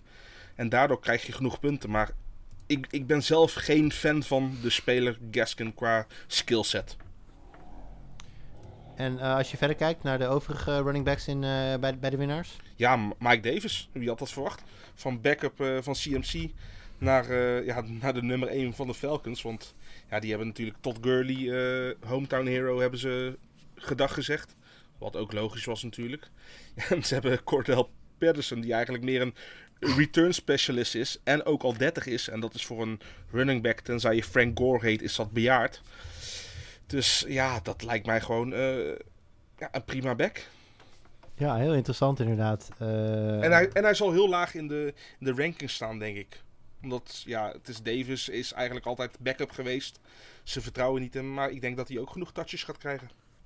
En uh, Lars, als we dan nog even naar de running back situatie van de Packers kijken, hoe zie jij dat? Uh, want uh, Jamal Williams is natuurlijk weg, Aaron Jones nu de enige overgebleven kandidaat? Nou ja, in ieder geval gaat AJ Dillon, die gaat natuurlijk tweede running back zijn, maar die gaat zeker niet zoveel attempts krijgen als dat Jamal Williams kreeg. Want weet je, Jamal Williams zat daar natuurlijk vorig jaar al en die speelde eigenlijk gedurende het seizoen zo goed dat hij eigenlijk gewoon snaps van en, en targets en, en carries van Aaron Jones afpakte ja, weet je, die is nu weg. En dat moet AJ Dillon nog maar gaan bewijzen. En ik heb daar mijn twijfels over. En Aaron Jones heeft daarnaast ook een dik contract getekend. Dus ik denk dat Aaron Jones toch wel iets duidelijker dan vorig jaar de nummer 1 running back is bij, bij de Packers. En uh, naar de overkant, want dit was een redelijk kort lijstje van, van running backs die extreem blij zijn. Er zijn er een heel aantal die een stuk minder blij zullen zijn. En ik denk dat het meest duidelijk is. als jouw team jou oppikt als, als undrafted rookie en je je beunt wat af en je hebt een heerlijk jaar. Uh, en dan zie je in de draft dat jouw team nog een running back draft in de eerste ronde notabene. Jimmy, hoe ziet het leven van James Robinson er momenteel uit? Niet heel best. En helemaal als je ziet als Etienne ook nog de running back van Lawrence zelf van zijn college team was. Dus die hebben al gewoon een klik. Die hebben ook goed gepresteerd. Ja, die jongen was vorig jaar, heeft iedereen hem waarschijnlijk heel goedkoop op kunnen pikken. Ligt eraan wanneer je draft hebt gehad natuurlijk. Want uh, Fournette was toen nog de running back 1 en die ging natuurlijk weg. En toen kwam James Robinson ineens out of the nowhere. Maar ja, die gaat nou denk ik ook gewoon heel langzaam gaat hij nou weer naar de achtergrond. En Hyde is sowieso een fantasy killer. Dat heeft hij al bij uh, heeft hij laatst ook nog bij Carson gedaan. Hyde is echt heel vervelend. Hyde is echt gewoon zo'n zo, zo, zo'n zo, zo luis die, die niet weggaat uit je pels. Gewoon. Die, die blijft ja, Hij is gewoon net te goed om niet te spelen, maar net te slecht om een, om een fantasy asset te zijn. Precies, je, je hebt er helemaal niks aan. En uh, ja, goed. Het wordt dus sowieso een, een, een running back bij Comedy met, met drie man. Waar Etienne ook nog eens de, de hoogste drafte is. Uh, ja. De beste passcatcher is. En de connectie met zijn backfield al heeft. Uh, met zijn quarterback al heeft. En de jongste is, ja. James, James ja. Robinson kunnen we doorstrepen. Er staan hier nog een heel aantal namen uh, op. Uh, ik denk dat we ze misschien maar niet allemaal langs moeten gaan. Uh, nou, als jullie er allebei nog eentje uit moeten lichten, wie zou, welke situatie willen jullie nog heel eventjes aandacht geven dan? Ja, Josh Jacobs, die uh, Kenyon Drake nu in één keer achter zich heeft staan. Uh, ik denk dat, weet je, ik vond Josh Jacobs vorig jaar sowieso al niet zo denderend en ook heel erg blessuregevoelig. Had ook heel veel blessures vorig jaar. Uh, waarschijnlijk is dat ook de reden dat ze Drake hebben gehaald. Uh, nou zijn de Raiders volgens mij sowieso al best wel wat meer pass offense heavy dan dat ze run heavy offense zijn. Ja, en als je naast Jacobs dan ook nog Drake hebt, uh, ik denk niet dat dat de fancy waarde van Jacobs heel erg veel goed gaat doen. Ja, en voor, en voor Drake zelf ook natuurlijk. Want die, die was nee, natuurlijk ja, vorig jaar bij de Cardinals, was die de man, was hij daar. ja, heeft het ook niet waargemaakt. Dus ze zijn beide gewoon heel veel waarde verloren door, de, door deze transactie. Ja, ik wil dan toch op Ronald Jones uh, op, de, op de Buccaneers uh, ja, rollercoaster backside komen. Want uh, ten eerste, toen Fournette al getekend had bij de Buccaneers aan uh, vorige offseason, toen ging iedereen ineens twijfelen aan Ronald Jones. Maar ja, Ronald Jones liet het eerste helft gewoon goed zien. Pas eigenlijk in de playoffs kwam Fournette aan de bak. Maar ja, goed, die heeft ze wel meegeholpen met de titel. En dan is ook nog mijn favoriete snor erbij gekomen, Giovanni Bernard. Die echt door Tom Brady persoonlijk is overgehaald, omdat hij de pass-catching back is. Want ja, Fournette kan al niet zo heel goed vangen. Maar Ronald Jones heeft twee klomphanden of zo. Die heeft, handen in, die heeft de handen in cement of zo. Want die kan helemaal niks. Ja, en dan is het toch gewoon jammer. Ik bedoel, hij is nog gewoon jong zat. Dus ja. hij zou in principe een toekomst moeten hebben. Maar ik durf hem niet te draften. Ik durf trouwens geen... Wat geen... is dat? Wat, Sorry? Wat is dat toch met hier? Wat is dat toch met Rojo? Want had hij niet vorig jaar op een gegeven moment een stretch dat hij drie wedstrijden achter elkaar boven de 100 yards zat en ja, toen ja, had hij echt gewoon. En daarna had hij weer een fumble. Ja, maar het is, het, het is gewoon. Heeft die jongen, zou die jongen thuis een dartboard hebben met het hoofd van Bruce Arians erop, denk je? ja. Dit, dit is ja. toch niet, dit is toch niet te verkopen, dit? Ja, maar ik denk dat het nou ook vooral een wens is van, van Tom Brady dat hij wil meer een passing back hebben natuurlijk. En Ja. en ik vrees dat Bernard misschien nog wel eens, zeker in PPR, nog wel eens een dark horse kan zijn. En Fournette en Jones, ja, ik, ik, als ze laag vallen, zeg maar, qua draft, dan durf ik het aan. Maar ik, ja, ik, ik durf ze echt niet te pikken eigenlijk hoor. Beide niet. Ja, de meeste andere situaties die hierbij staan, een Miles Sanders, een, eh, een, een, een- ja, Jonathan Taylor vind ik, eh, vind ik nog wel interessant trouwens om heel even aan te stippen. Die heeft natuurlijk eh Naheem Hines en Jordan Wilkins achter zich. Maar Marlon Mack is natuurlijk weer fit. En als Marlon Mack vorig jaar niet geblesseerd was geraakt, dan is het nog maar zeer de vraag of Jonathan Taylor zijn breakout Ja. seizoen wel op die manier had gehad. Eh, wat verwachten wij van die situatie, Jimmy? Eh, nou ja, iedereen had eigenlijk Jonathan Taylor al gedraft voor de tweede seizoenshelft. Nog eh, voordat uh, Merlin Mack geblesseerd raakte. En toen kreeg hij dus al veel eerder de kans. Dus iedereen die hem gedraft had was super blij. Want ja, nou kunnen we hem inzetten. En toen ja, verloor hij eigenlijk heel veel touches aan, aan, Heinz. Het was niet zo goed. Maar toch, de tweede seizoenshelft liet hij toch zien. eh, zeker ook onder een goede offensive line van, de van de Colts natuurlijk. Dat hij gewoon geschikt is. Ik, ja, ik ben alleen benieuwd hoe het gaat met de nieuwe quarterback erbij. Hoe- ja, ik bedoel, Heinz was altijd de catching back. Krijgt Taylor iets meer, eh, iets meer eh, receptions? Ik denk het niet zelf. Want daar vind ik hem ook nog niet, niet goed genoeg voor. Maar ja, een nieuwe quarterback moet je toch altijd weer even afwachten met Wentz eh, wat hij gaat doen. Goed, afwachten doen we natuurlijk allemaal. Eh, ook bijvoorbeeld eh, hoe een Justin Fields eh, gaat impacten. Nou, Jimmy gaf het op een gegeven moment al aan toen we het net over Fields hadden. Dit is goed nieuws voor Allen Robinson, want die heeft eindelijk een talentvolle quarterback. Ja, nou had hij natuurlijk bij de, bij Jaguars had hij al niet heel veel. Nou, dat werd bij de Bears toen hij daar naartoe ging niet veel beter. Natuurlijk, Fields is nog unproven, is nog onbewezen in het NFL-field.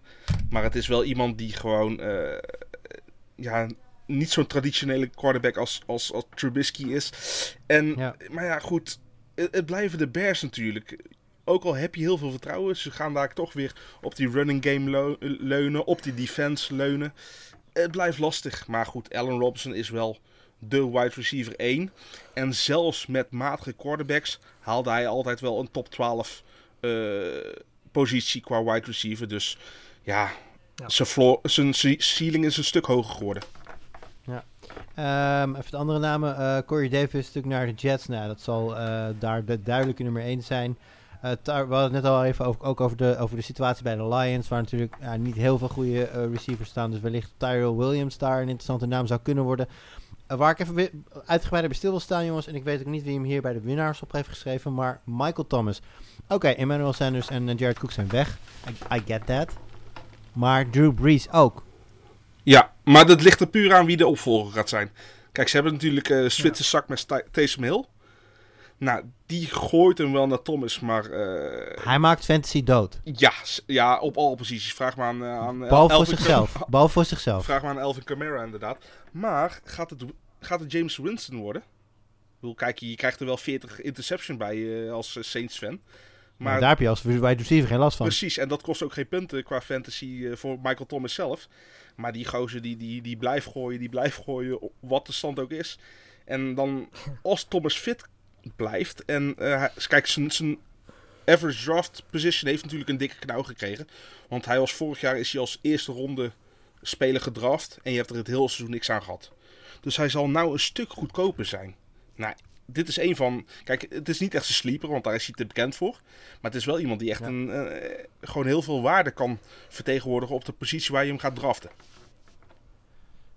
En als we dan even naar de verliezende wide receivers gaan. eh, nou ja, de, de, ehm, de Panthers hebben natuurlijk flink uitgebreid. Dus het gaat op, eh, om wide receivers. Eh, over de Bengals hebben we het gehad met eh, Boyd Higgins en dan eh, Jamar Chase erbij. Hetzelfde een beetje als met, met de Dolphins, waar Waddle als newbie natuurlijk flink concurrentie gaat krijgen van Parker. En op een gegeven moment ook van, van Fuller als zijn schorsing erop zit. Stefan Dix vind ik nog wel interessant om even bij stil te staan. Die, hebben natuurlijk, hij heeft niet zoveel met de draft te maken, maar die hebben natuurlijk wel Emmanuel Sanders gehaald. In hoeverre impact dat Dix zijn waarde? Ja, nou weet je, kijk, wat, wat ik vooral eh, interessant vind is dat Dix was vorig jaar natuurlijk een van, ja, een van de meest positieve verrassingen, denk ik. En ik denk dat, eh dat Emmanuel Sanders hebben we vorig jaar ook gezien met Michael Thomas. Eh, het kan best wel wat impact hebben. Emmanuel Thomas is natuurlijk wel iemand die, die gewoon wel best wat targets gaat afrekenen, puur op wat hij gedaan heeft in het verleden.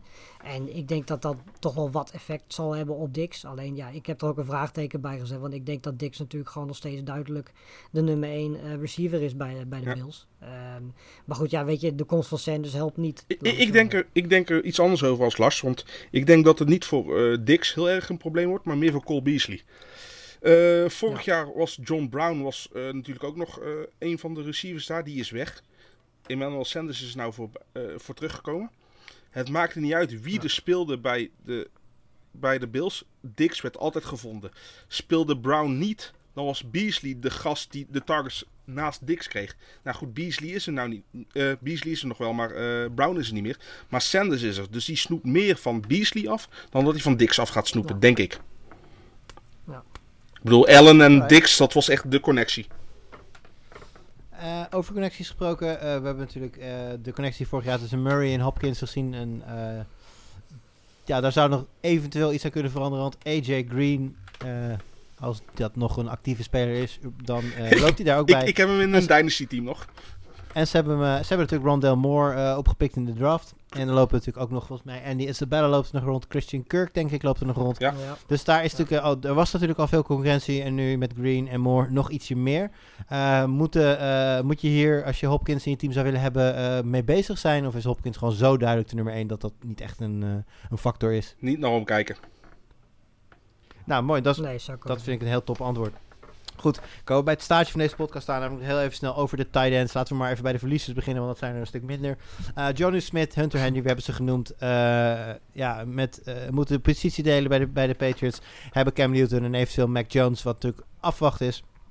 Dus je zou hun verliezers kunnen noemen. En daarnaast waren we natuurlijk allemaal getuigen van het feit dat Lars Leeftink net de Ian Thomas hype train heeft geparkeerd. en, Hij ja, heeft hem dat net begraven. Dat zal moeten gaan uitleggen aan Ton. Maar inderdaad, hij wordt, hij wordt momenteel afgebroken. Het is jammer, het was mooi. Maar het mocht niet zo zijn. Winnaars zijn er meer aan de kant van de tight ends. En ehm, nou jongens, ik zou zeggen, loop ze maar even af. Andy Troutman. Adam Troutman, ja, dat is... eh, Adam, Ja. Adam Troutman, sorry. Dat is eigenlijk een, een, een tight end die eerst vooral een blokker was. Eh pass catching ook wel goed, maar ze had natuurlijk Jared Cook als voornaamste wapen. Nou goed, die is vertrokken. Zijn andere concurrent is ook vertrokken. Er is niks voor teruggehaald. Eh, helemaal als je James Winston als quarterback krijgt, is hij Ja. echt de grote winnaar van de Saints. Oké, Lars Irv Smith. Eh, ja, die, eh, die zag natuurlijk al Rudolph weggaan. En Irv Smith was vorig jaar had hij al zijn momentjes. Ehm, en ik denk, ja, zeker nu Carl Rudolph weg is en er eigenlijk daarachter niet zo heel veel rondloopt. Eh, denk ik dat hij samen met Thielen en samen met Justin Jefferson de beste eh, Ja. wapens in de passing game gaan zijn. Irv Smith is zeker iemand in, in de endzone. Die heeft zich vorig jaar al bewezen met wat touchdowns. Dus ik denk dat Irv Smith zeker komend jaar een eh, grote stap gaat zetten. Ja, TJ Hawkins hebben we het natuurlijk over gehad. Bij de Lions zijn niet zo heel veel wapens. Dus nou, dan is een, een bewezen goede tight end, stabiele tight end als Hawkinson al snel eh, een winnaar voor, deze, voor, deze, voor dit moment in het seizoen. Eh, Jimmy, Anthony Ferkser. Ja, op zich wel een winnaar, omdat Johnny Smith weg is en Corey Davis. Maar goed, daar hebben ze Fitzpatrick ook weer voor teruggehaald. Eh, ik vind het lastig, want het blijft natuurlijk een run-heavy offense met Derrick Henry en AJ Brown. Zo'n groot... Ja, dat is niet echt per se een target monster, maar het is wel iemand met yard after, of after catch, dat hij gewoon echt door blijft gaan en blijft gaan. Eh, ja, ik, ik vertrouw er niet zo op. Eh, laat ik zeggen, hij staat zeker niet in mijn top 12 eh, om te draften, qua redraften. En zou dat voor de laatste op deze naam, eh, Gerald Everett, wel gelden? Mm, ja, ben ik ook niet zo'n heel erg fan van. Ik bedoel, eh, Will Disley komt natuurlijk ook weer terug van zijn blessure. Die, eh, die heeft zich wel al bewezen met Russell Wilson. Hij is wel wat relevanter dan vorig jaar. Want met, vorig jaar bij de Rams met Higby was het echt, echt een share play was het. En dat is nou misschien iets minder.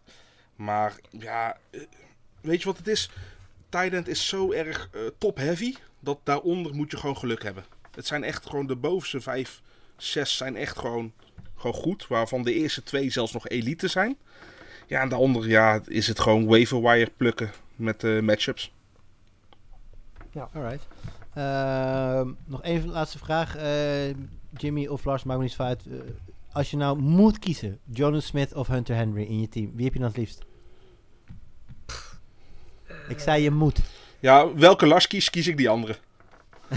Hunter Henry. Hunter Henry. Oh ja, dan ga ik voor Johnny Smith. Nee, ik zou, ik zou voor Hunter Henry gaan ook. Gewoon eh, bij twijfel de talentvolste speler. Precies. Ja. Oké. Goed jongens, dan zijn we er eh, doorheen. Nou, het, is een, eh, het is een flinke zit geworden. We zijn dik over het uur gegaan. Dan mocht ik wel dat ik veel namen door te nemen. Ehm, later dit eh, ja, pre-season waar we eigenlijk nu in zitten, komen we uiteraard bij je terug. Want in de aanloop naar de start van het seizoen, dan zijn de meeste drafts. En voor die tijd zullen we ook nog wel een eh, extra show gaan maken. Met nog wat extra draft tips, met onze favoriete sleepers, met onze busts en al dat soort eh, zaken die je gewend bent in een pre-season. Eh, jongens, voor nu bedankt. Ja, was wel leuk hier. Luisteraars, bedankt voor het luisteren en we spreken elkaar. En nou, wat wanneer zal het zijn jongens? Ergens in augustus denk ik dan. Geen Ja. optie. Tot dan.